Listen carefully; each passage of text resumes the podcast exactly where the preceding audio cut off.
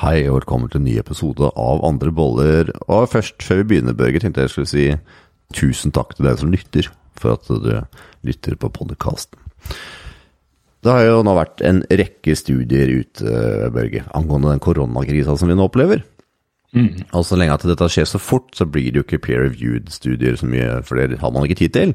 Derfor blir det nå lansert utrolig mange studier som uh, ikke andre menings... Uh, hva kalles det? Meningsmenn og damer. Mm. Ja, for, for muligheten til å lese gjennom og kritisere. Og i den sammenheng så tenkte jeg skulle snakke litt rundt det med studier, for mange av oss er veldig opptatt av det med studier til stadighet. Det er sånn at ja, ok, har det noen beviselig effekt?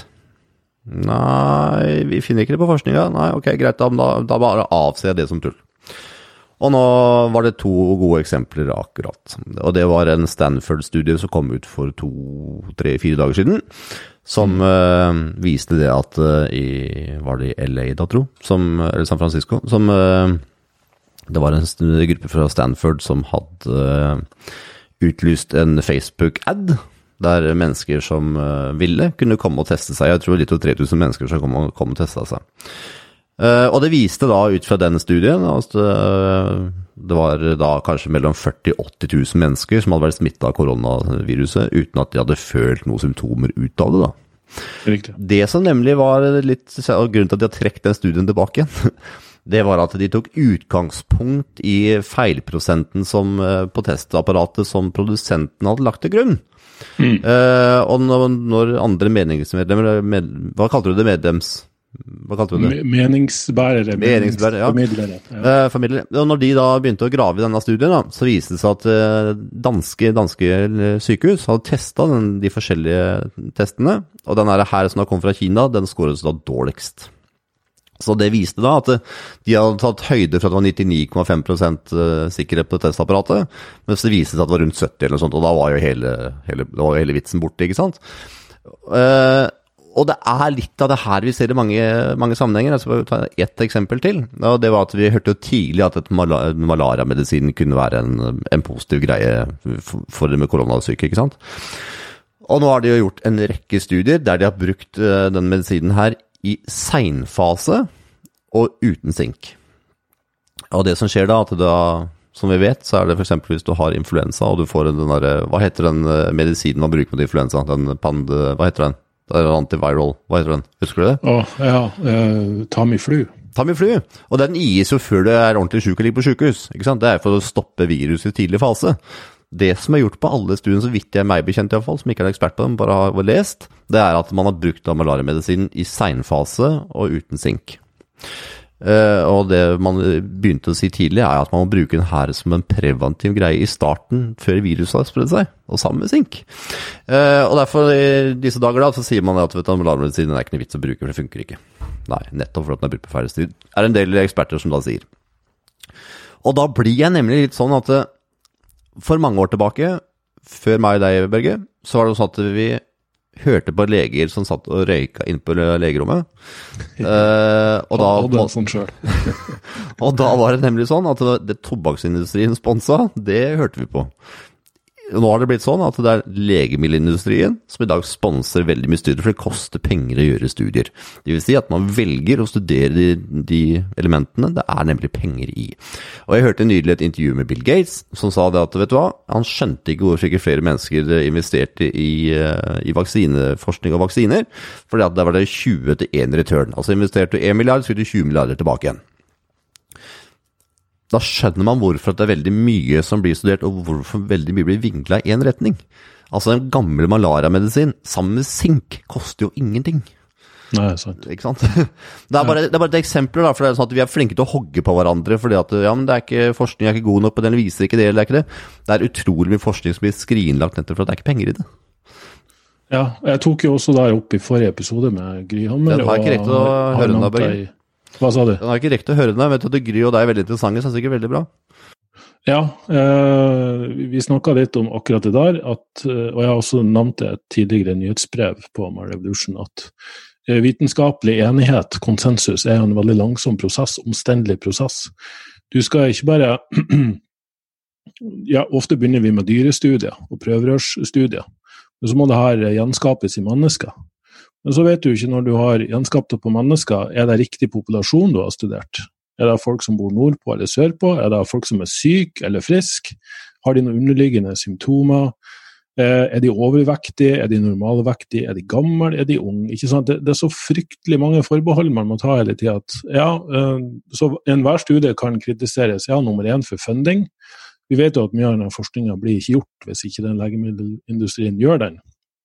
Så det er sånn, er det sagt at vi skal, sånn, er, sånn er det bare. Så det er ikke dermed sagt at vi skal avskrive den, men samtidig kan det være greit å ha et eh, kritisk eh, standpunkt på alt vi blir servert. Da. For ofte når det blir framstilt i media, så får du høre om en enkelt studie, ofte tolka av en journalist som kanskje ikke forstår alt heller.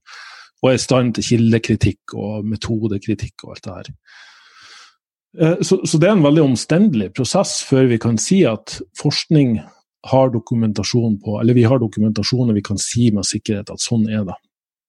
Um, jeg vil også nevne at uh, For det er jo en debatt som har rasa ganske lenge det her rundt uh, treningsvolum, f.eks. I den verden så er det en stor greie. Hvor mange sett skal du trene? Og så kommer det en studie som sier at ok, jo mer du trener, jo bedre resultat får du. Og da blir det plutselig sånn at nå skal vi kaste alt vi har av 50 års forskning som sier at sånn er det ikke.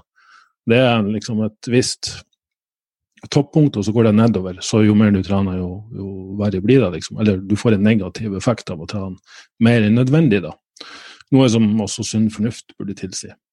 Eh, og så kommer det jo enda flere studier som oppbeviser den studien som nettopp sa at jo mer trening du, du gjør, jo bedre blir det.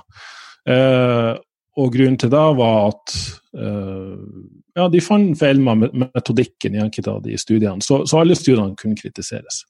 Nummer to er at veldig ofte så foregår studiet ved at du plasserer uh, ei gruppe personer på én protokoll, ei annen gruppe personer på en annen protokoll. Og innen hver gruppe så er det jo sånn at noen får ingen resultat eller negativt resultat, og noen får vanvittig bra resultat. Men allikevel tar du gjennomsnittet. Du bruker en statistisk analyse av det her, og så sier du ok, gjennomsnitt så fikk denne gruppa 4% og den andre gruppa, gruppa 8% Da kan vi anta at den gruppa som fikk 8% de fulgte en protokoll som var bedre enn den andre.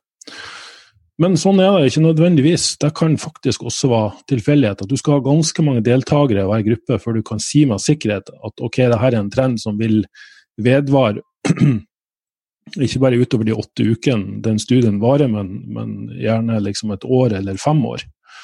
Og ofte når du ser på langtidsstudier, så, så er det ofte at f.eks. så er det kortere, studier av kortere varighet som viser fordeler over én diettmetode over en annen ja, lavkarb var bedre enn det her, en, en høykarb. Eller eh, middelhavskosthold var bedre enn et vestlig kosthold, bla, bla. Men over et år, når du følger folk over lengre tid, så er det det eneste som, som uh, fremstår som uh, Altså, det er ingenting som utmerker seg som bedre enn noe annet. Det eneste som utmerker seg som best, er hvorvidt det mennesket som følger den, den diettplanen, faktisk er i stand til å følge den. Så, så da er vi mer ned på det miljømessige og mentale aspektet og, og vane og, og, liksom alt det som vi har snakka mye om i denne podkasten. Så, så det, er alltid, det, er alltid, vanskelig å og Når jeg formidler min, eh, mine meninger om ting i denne podkasten, så er det jo ja, delvis vitenskapelig forankra, basert på så langt vi har evidens i dag, og, og liksom et oversiktsbilde over for og imot, og under hvilke kontekster det fungerer og ikke fungerer. Men det er også basert på erfaring med liksom, Jeg mistet jo tellinga når det kom til 1000, eh, i forhold til hvor mange mennesker jeg jobber med på individbasis. Og der ser jo jeg enkelte trender. Der ser jo ok, i visse situasjoner, under visse forhold med denne type personlighet eller person, så fungerer det her bedre enn noe annet, f.eks.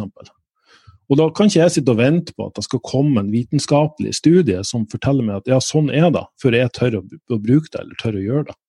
Så av og til må vi også liksom Av og til må vi tørre å gjøre ting, si ting, prøve ting, uh, før at de tiårene eller titallene med, med, studier som er enige om at, at sånn er det, kommer. Jeg vil bare legge på en liten ting som jeg glemte å si også. Eh, I forhold til her med, med at du plasserer én gruppe mennesker i én gruppe og en annen gruppe, og så får du se visse eh, trender der. Eh, siste to til tre årene så er det kommet en ny metodikk innen det her med f.eks. trening, der hver person er sin egen kontroll. Vil si at høyrebeinet trener på én måte, og venstrebeinet trener på noe annet. Og da ser du at ok, hos noen personer så fungerte det bedre med altså Det beinet som trente med ett sett, hadde bedre effekt enn det som trente med fem sett. Mens hos andre så var det motsatt. Fem sett hadde bedre enn ett sett. Men det vi kunne egentlig konkludere med ut fra de studiene, var at de som bygde mest muskler, de gjorde det uavhengig om de trente ett eller fem sett. Den personen hadde en, en evne til å bygge mer muskler generelt. Mens de, personer, mens de andre, liksom, nesten uavhengig av hva de gjorde, så klarte de ikke å bygge noe særlig med muskler. Det var da sannsynligvis ikke treninga som hadde noe å si, det var eh, livsstilen deres, genetikken, eh, miljøet, forventninger, gud vet, liksom. Så, så det de konkluderte med ut fra de studiene, var at manipulering av treningsvariabler hadde nok langt mindre å si enn det vi tror. Så det å sitte og krangle på internett over hvem som har rett, ut fra hvordan du tolker studiet, og hvilke studier du har lest, og hva du syns om de studiene. Det, det blir liksom så meningsløst. Så, så det her er en trend, og vi adresserte her i forrige podkast at du har enkelte som sitter der og, og, og, og, tror at de sitter på svaret. De sitter på sitt knappnålshode og mener at de har rett. Men, men, det er jo kun deres tolkning av eksisterende evidensgrunnlag, og ikke minst hvilken eh, subjektiv oppfatning de har, og hvilken subjektiv erfaring de har. Så, så, det er egentlig ingen der ute, uansett hvor mye vi kaller de eksperter, som, som vi ene og alene skal tillegge eh, sannheten. Og det gjelder meg sjøl også. Da har jeg nok selvinnsikt til å si jeg kan sitte og anbefale alle mulige ting. Enkelte av de tingene jeg sier, de passer utmerket for enkelte personer der ute, og vil være helt forferdelige for andre personer der ute.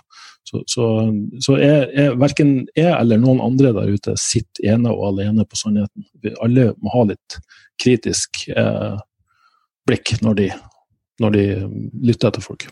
Altså I disse dager, med så mye informasjon, så vil man mest sannsynlig klare å finne faktagrunnlag for det man ønsker å finne svar på likevel, i sin Riktig. versjon. og det er jo algoritmer som er, som er fremstilt sånn at Eller de er, internett nå er jo programmert sånn at du blir vist det du søker mest på. Ja, jeg, en, jeg, hadde jo en periode der jeg leste veldig mye og fulgte med på sånn kjøttkosthold, spise kun kjøtt. Og jeg ble jo vist nyheter og linker og studier som, som verifiserte det jeg allerede trodde på. Men jeg har jo en tendens til at jeg vil gjerne se på hva motparten sier. Hvilke argumenter har de? Er det troverdig? Um, med en gang jeg begynte å søke på vegetarianer Så det er like mye på andre sida? ja, det er like mye, like mye case-studier og forskning som, som sier at det er bra. Men det interessante var at med en gang jeg begynte å søke på det her, så dukka det opp mer og mer i, i både på Facebook og i Google og på nyheter og alt mulig. Da blir du, da blir du vist det uh, i større grad pga. at noen har sett og programmert at, at, sånn skal det være. Så, så var, var, litt sånn obs på, på hvordan du tilegner deg informasjonen i dag. Ja, og vær obs ja. Vær også obs på om du blir styrt av frykt, eller om det er logikk. Det er også en viktig sak å følge med på, for det er veldig fort at vi fyra går på frykt. Og jeg snakka så mye om det, så jeg ikke bruke tid på det akkurat nå.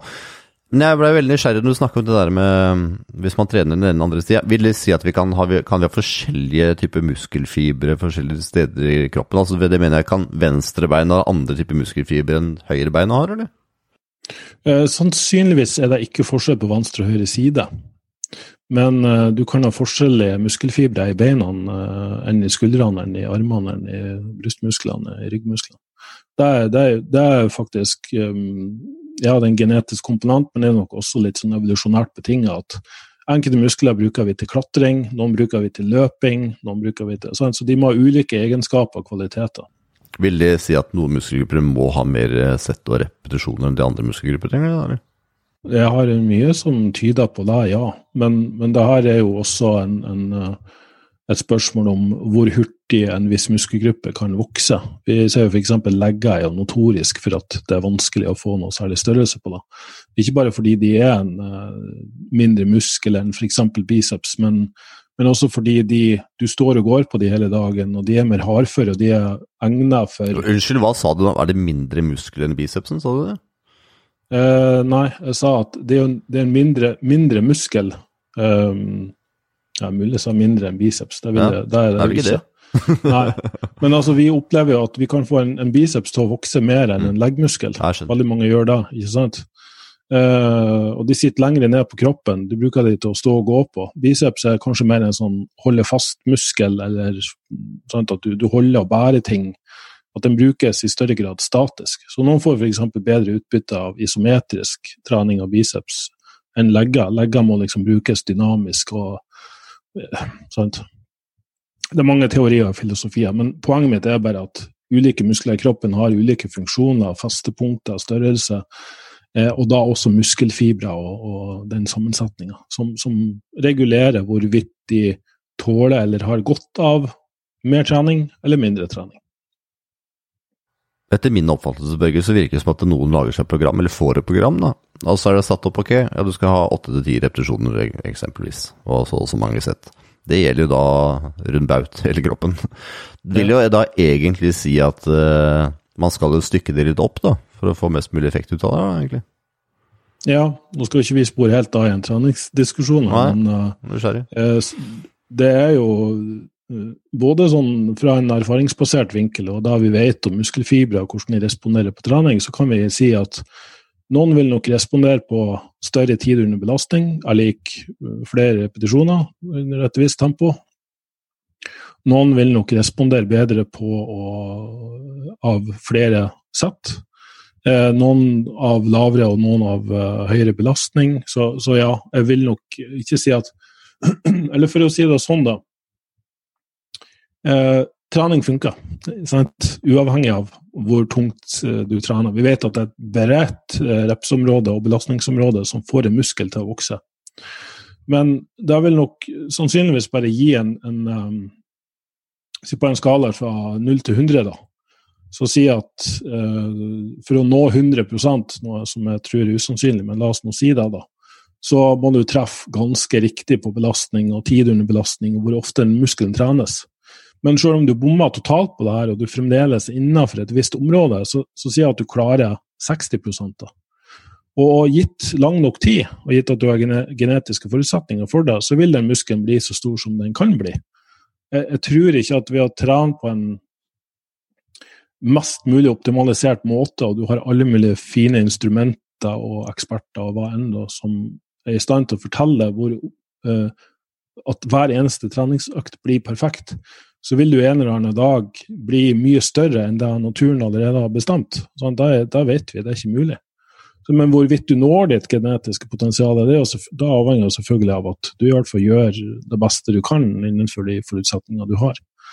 Eh, Men, men trening ene og alene vet vi. altså Manipulere alle variablene. Det er liksom eh, Betydninga av det er nok mye mindre enn det vi tror. Og jeg vil, jeg vil faktisk si at de aller fleste, fordi de er så amb- ambisiøse og kanskje har valgt seg forbilder som har bedre forutsetninger enn de sjøl har, de trener for mye. De, de trener for mye og for hardt til at de klarer å restituere, og mister kanskje litt gangsyn.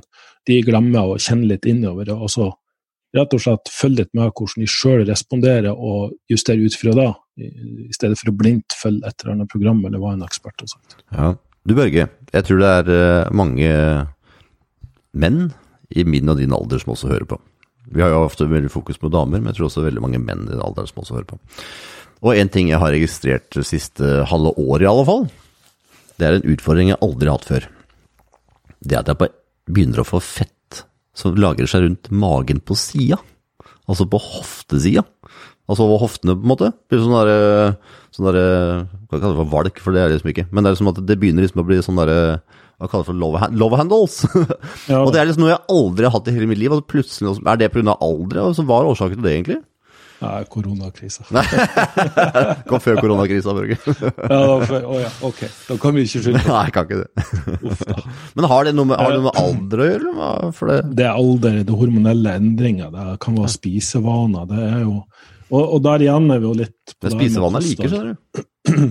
Ja, og nettopp det er faktisk litt av poenget mitt. Fordi kroppen din endrer seg, og hvis ikke spisevanene dine endrer seg, så vet du ikke om at altså Det kostholdet som kanskje var Bra før, er det, det beste, det beste for å holde borte love handles når du var 20, er ikke sikkert det som fungerer bra nå. Da kan vi ikke si med sikkerhet. Vi kan ikke si at det er ett enkelt kosthold som er optimalt for alle hele tida, hele livet, liksom. Eh, jeg har jo fulgt utøvere som skulle på scenen og var i sceneform fra år til år, og vi ser jo bare hos de vil jo det kostholdet som fikk de i form året før, fungerer ikke like bra i år. Det, det har skjedd endringer i kroppen deres eh, gjennom det, det forrige året som gjør at i år så, må, så vil den justeringa eh, som skulle gi forventa endring, ikke fungere like bra. og Da må vi gjøre noe annet. Jeg liker jo ikke å bruke ordet voksen, men jeg må jo si at jeg begynner å vokse nærmere 40. Så vil det si at vi på en måte hormonelt da begynner å bli endre oss veldig tvert som Det vet vi jo selvfølgelig, men hva er, det som, hva er det som endres som gjør at vi på en måte kanskje binder fett på den plassen det vi har gjort før, eksempelvis? Vet du det? Jeg vil jo si endring av energiomsetning, eh, stoffskifte, eh, testosteron- og østrogenforhold, eh, hvorvidt vi stresser mye. altså det er jo det hormonelle samspillet er jo så komplekst at igjen, der, der, der er det vanskelig å si hva som, hva som, er akkurat ditt problem, om at det er det samme som mitt problem, f.eks. For, for det har jeg òg merka at jeg har begynt å lagre mer fett på sideflaske. Så, så um, det, det, er nok ikke noe entydig svar, men, men uh, som regel handler det om å, å nummer én få kroppen til å fungere mer optimalt, dvs. Si ha høyere energiomsetning. Og så da på en eller annen måte skape et, et, miljø eller en forutsetning for at kroppen skal tære på de fettlagrene. Ja, hvordan gjør man det best mulig, da? Hva sa du? Hvordan gjør man det best mulig, da? Nei, i bunn og grunn skape et kaloriunderskudd. Det er jo liksom vekttap i seg sjøl som uh, promoterer de, de, største positive helseendringene, hvis man har litt uh, ekstra vekt. Det, det, vet vi jo. Det går jo på, på diabetes, kolesterol, hjerte-karsykdom. Uh, kreft, altså gud vet, det er liksom det å ha en normalvekt og en liksom fysisk aktiv hverdag, det er sånn helt fundamentalt. Men hvordan du kommer dit Men Både meg og deg har vel det, Børge? Jeg vil jo påstå at vi har det, men, men igjen, da. Aldring. Vi, vi, begynner å bli eldre. og det er ja. veldig mange som opplever at det som fungerte i 20-årene, fungerer ikke like bra i dag. Eh, nesten uansett hvor optimalt du lever, så vil det liksom skje fysiske endringer. Det kan hende at du må være enda mer strikt med kostholdet. Det kan hende at når du var 20, så kunne du spise uh, veldig mye karbohydrater følge en sånn typisk bodybuilderdiett med ris og kylling og brokkoli, mens når du er 40, så kan det hende at du må ha et mer sånn middelhavsbasert kosthold eller lavkarbokosthold. eller For min del, jeg hadde jo eh, veldig store positive endringer i kroppssammensetning når jeg spiste kun kjøtt i ni måneder. Men um, det kom jo til et punkt der jeg, jeg begynte rett og slett ikke å føle meg så bra på det. Så med en gang jeg da begynte å spise litt frukt, f.eks., og drikke melk og sånne ting, så, så, begynte jeg å føle meg bedre. Fikk ikke like bra kroppssammensetning, men kognitivt følte meg mye bedre. Jeg fikk, begynte å få mer energi, jeg begynte å få varmen i kroppen tilbake. Så det kan hende at det, det var ikke nødvendigvis mangel på næringsemnen, nødvendigvis da, som gjorde at det her skjedde, men ved å spise et såpass enkelt kosthold som det er, som smaksfattig. Ikke, det er ikke noe søtt i et kjøttbasert kosthold. Nei. så, så, vil du spontant spise mye mindre. Det er jo det vi kan si om f.eks. periodisk faste. Der får eh, det eh, både ubevisst og da fysisk til å spise mindre kalorier enn du forbrenner. Sånn at vektreduksjon er ikke fasten i seg sjøl, men det at faste promoterer enklere å oppnå et kaloriunderskudd ketogent kosthold det samme. Det å spise kun fett og protein og veldig lite karbohydrater eh, justere på appetitt og matlyst. Sånn ja, og insulin vel, som gjør at man blir mindre Insulin, alt mulig, men det er klart, fett kan lagres helt fint uten insulin. så det er ikke det det går Nei, jeg på. Men, men det, på en eller annen måte så skaper det et kaloriunderskudd. Så, så, så vektreduksjon, kaloriunderskudd og du kan kanskje spise akkurat det samme, men du er mer fysisk aktiv. Jeg har uh, opplevd folk som har um, spist mye mer, men de har fått et mer fysisk aktivt yrke og en hverdag. Uh, bare da å bli uh, fra Isak var baby og lå i ei vogn til at han ble to år og flyr rundt hele tida, har jo liksom skapt sikkert 300-400 kalorier underskudd hos meg i løpet av en dag. Så, så, det er så mye faktorer som spiller inn at vi, vi, har jo fremdeles den dag i dag med alt det vi vet om kaloriunderskudd og, og liksom det der ja, bare spis mer, nei, spis mindre og beveg deg mer. Det har jo absolutt ikke løst noen som helst slags overvektskrise i verden. Det, det er jo Det går mye, mye mer utover da, fordi mennesker er mennesker. og Vi oppfører oss relativt primitivt i enkelte settinger. Så, så, du kan ikke bare be en person, person, om å spise mindre, du må tilrettelegge miljøet for at de skal gjøre det. Vi har vel de samme genetiske sammensetningene som vi alltid har hatt, vi begge. Så vi, har vel, ja. vi, vel egentlig, vi er vel egentlig mener at vi er, vi er primitive i måten at vi er sånn som vi er. Vi alltid har vært opp med genetisk, eller vi måtte ha fått en helt annen verden å leve i. Ja, for så vidt. Vi har jo det. Samtidig har vi jo epigenetikk. Det er jo ja, at gener aktiveres og deaktiveres ut fra hvordan du lever livet ditt. Så, det er godt poeng, det, så, Men det har gjort før òg, ja, Genetisk forutsetning gjør det nok enklere for enkelte personer å oppnå visse ting. Det er det jo ingen tvil om.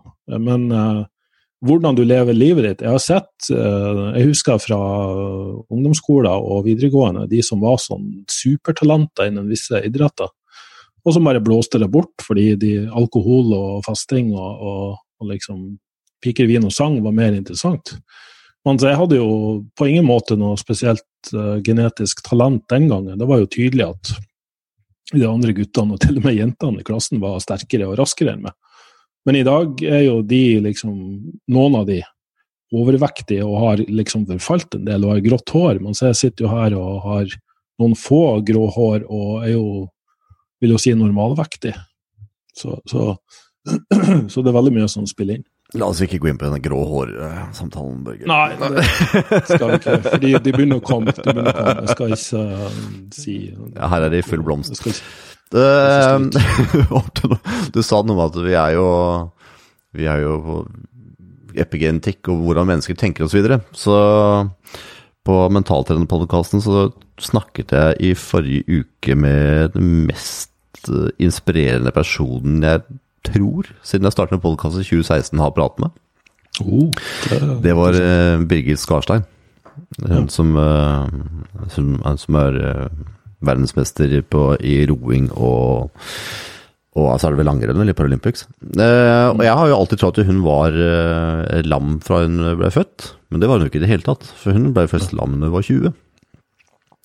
Ja, og det som er det imponerende her, syns fall jeg, og som er grunnen til at jeg ønsker å dele akkurat her, det var at uh, hun var jo bare uheldig. Altså, du skulle bade i Thailand, og så måtte, fikk hun, eh, slo hun beinet som gjorde at hun fikk en sånn kjøttete materie som det er svært få som har hatt, og så fikk jeg infeksjon osv. Så, videre. så tar det veldig kort, det gjør det veldig kort. Så når hun først ble kvitt materien, så måtte de operere igjen når hun kom ut av sykehus, og så fikk hun epidural, er det vel heter. Det er mest sannsynlig ryggmargen som gjør at hun ble lam. Uh, og det som var, at hun brydde seg så mye om de menneskene som var rundt seg, at hun sa det ikke engang til sin mor at hun var blitt lam. Uh, så hun tenkte mest på at det var så synd på de rundt. Uh, og liksom det som var hele poenget mitt, her, at hun sa at jeg kan kun konsentrere meg om det jeg får gjort noe med. Det jeg ikke får gjort noe med, det, det, bruker jeg ikke noe tid på, men det jeg i hvert fall får gjort noe med, det bruker jeg mye tid på. Og det som var hele greia, at hun brukte mer tid på hva hun kunne gjøre, og hva hun kunne få ut av dagen, og hva man måte, kan klare å få den til. Som for eksempel, hun har jo er verdensmester flere ganger. Hun hadde mer fokus på okay, hvordan kan jeg trene bedre, hvordan kan jeg bruke vitenskap, og hvordan jeg kan få utstyret mitt til å bli bedre. Og det jeg skal litt fram til grunnen til jeg ønsker å dele det her akkurat nå, er at vi har nå stått i en krise, og en krise kan jo komme om det er korona eller alt mulig annet i et liv. Og det er det med ha noe fokus på hva du faktisk kan gjøre noe med, og gjøre noe med det du kan, kan, gjøre noe med. For det er veldig lett å havne inn nå at ting kan ha vært vanskelig, en krise hadde vært du får det ikke til, det gikk dritt det der som du prøvde å få til, og hvorfor skjedde det? Altså Man bare hengt seg opp i en suppa som har vært bak, framfor å heller ha fokus på det som er forover. Og det var helt rått å høre når du på en måte ble lam og holdt på å studere fortsatt. Og det var veldig vanskelig å komme fram i rullestolen det var mye snø, så hun stakk på Felleskjøpet, kjøpte seg en kjeledress og aka seg opp bakken. liggende på bakken fordi at det var da for mye snø. Og hun brukte 25 000 i hansker for å sleite ut hver tredje eller fjerde dag. Det viser på en måte at det er veldig mye som er mulig altså hvis du har fokus i riktig retningen. Vi mennesker ja. er så vanvittig flinke til å tilpasse oss til det settingen vi er i. Nå har vi hatt mange, mange år i Norge der det har vært ganske fint. Og så får vi noen kriser, og så går alle litt rundt i ring. Og så er, tenker vi mye på krisene, tror jeg. Så prøv å heller tenke sånn at vi mennesker er utrolig tilpasningsdyktige. Sammen med studier viser det ene eller andre, så for å koke det her sammen, så poenget mitt i dag var det å få fram at det, det studier kan vise én ting, studier kan vise en annen ting. Vi må bruke magefølelse, vi har snakka om før, og samtidig mm. bruk tankene på hva er du faktisk kan gjøre noe med, og putte fokus der. Ja, det her er jo eh, noe som minner meg om et sentralt premiss innen oppdragelse av barn. Det er jo at gi de, gi de skryt for at de jobber hardt, altså gjør sitt beste. Ikke, ikke, bare for prestasjon, eller kanskje minst mulig for prestasjon. Ikke drive og kun belønne prestasjon, men belønne innsats. Hvis du, hvis du, blir programmert til å For jeg vil jo si at det her kanskje er problemet til uh, enkelte generasjoner at de har, lært seg at, ja, mm. de, har, de har lært seg at kun ved å være flink eller pen eller suksessrik i et eller annet, så, så, får du validering, så får du kjærlighet, så får du suksess, så får du uh, lykke, altså opplever du lykke. Men, men det blir jo en, en, forferdelig overfladisk og ømfintlig form for lykke, som, som uh, ikke tåler noen ting som helst. da. Og da å opprettholde her imaget basert på suksess og utseende, det, det gjør det jo til en nevrotisk eh, vandrende sammenbrudd, liksom. Så, så, heller å fokusere på nettopp det du sier, innsats, hva du kan gjøre, hva du har kontroll over. Lær deg skills, altså verktøy, tillegg deg måter å bli mer tilpasningsdyktig på. Det er nok det som gjør at du ja, kan leve til du blir så gammel som du er ment å, å bli. Veldig godt poeng, Børge. Og jeg håper du som hørte på, fant dagens samtale underholdende. Nok en gang så var det en samtale vi ønsket å få opp tanker. Vi ønsker mm. å på en måte snakke litt løst og fast om ting, fordi at vi ønsker at du som lytter nettopp skal begynne å tenke litt. Og det er, ja. Vi går veldig bare på sånn fast programmering, vi mennesker, og da syns vi det er viktig å snakke om ting litt løst og fast med at man begynner å tenke litt. Det er viktig å tenke seg om uansett hvilket stadium man er i livet og hva som skjer rundt seg. Ja, jeg vil hekte på den nettopp da som vi snakka om litt innledningsvis, at eh, vi, vi, kunne sikkert ha sittet og snakka ene og alene om de studiene du, du, tok opp her, og kritisere de og for imot av andre studier viser, men jeg tror det også blir litt sånn Det gir ingen Altså, det hjelper ingen der ute med å bli mer tilpasningsdyktig, eller å få seg de egenskapene som er med er nødvendige for å for å komme seg gjennom ikke bare den koronakrisa, men, men, å leve et så godt liv som mulig. Mm. Og da, da, mener jeg det er litt sånn Det her er jo hele essensen i hvorfor jeg starta med Revolution i 2006. Ja. Det, det, er jo Hvordan kan du bli den beste versjonen av deg sjøl? Hvordan kan du gjøre det beste ut av det du er gitt? Hvordan, hvordan kan du også få en følelse av mestring og lykke, uten at det skal være basert på eh, hvilke kosttilskudd du tar, eller hvor mye du tar i benkpress, eller hvor raskt du løper, eller hvor fort du gjennomfører Birken. Liksom. Da blir liksom sånne eksterne suksesskriterier. Jeg mener at, at, ved å snakke om de her temaene som vi gjør, da, så, så gir det folk verktøy eller mulighet til å reflektere over det store bildet. Og, altså hvorfor er vi her som Hva er meninga med livet, rett og slett, for å være litt sånn klisjéaktig. Refleksjon er veldig viktig, Børge. og det er... Eh, ja jeg tror det er derfor vi har gode samtaler sammen nå. Vi er veldig ute ja. med refleksjon. Og det er uh, Noen mennesker er ikke glad i refleksjon i det hele tatt. Og nei, nei. Noen, og da er ikke denne podkasten for i det hele tatt. Så vi kan nok ikke nå ut til alle der, det er jeg innforstått med. Men forhåpentligvis når vi, når vi mennesker som, som, er der som vi også er. Vi, er liksom, vi har levd et langt liv, og vi har lest mye forskning og erfart mye, men allikevel sitter vi her og snakker om spiritualitet og mental filosofi og tilpasningsevne og kritisk tenkning. Og det er det flere som liker, helt klart. Så send oss gjerne forslag til tema eller gjester til podcast at myrevolution.no. Og takk for at du hører på. Ha det bra. Ha det bra.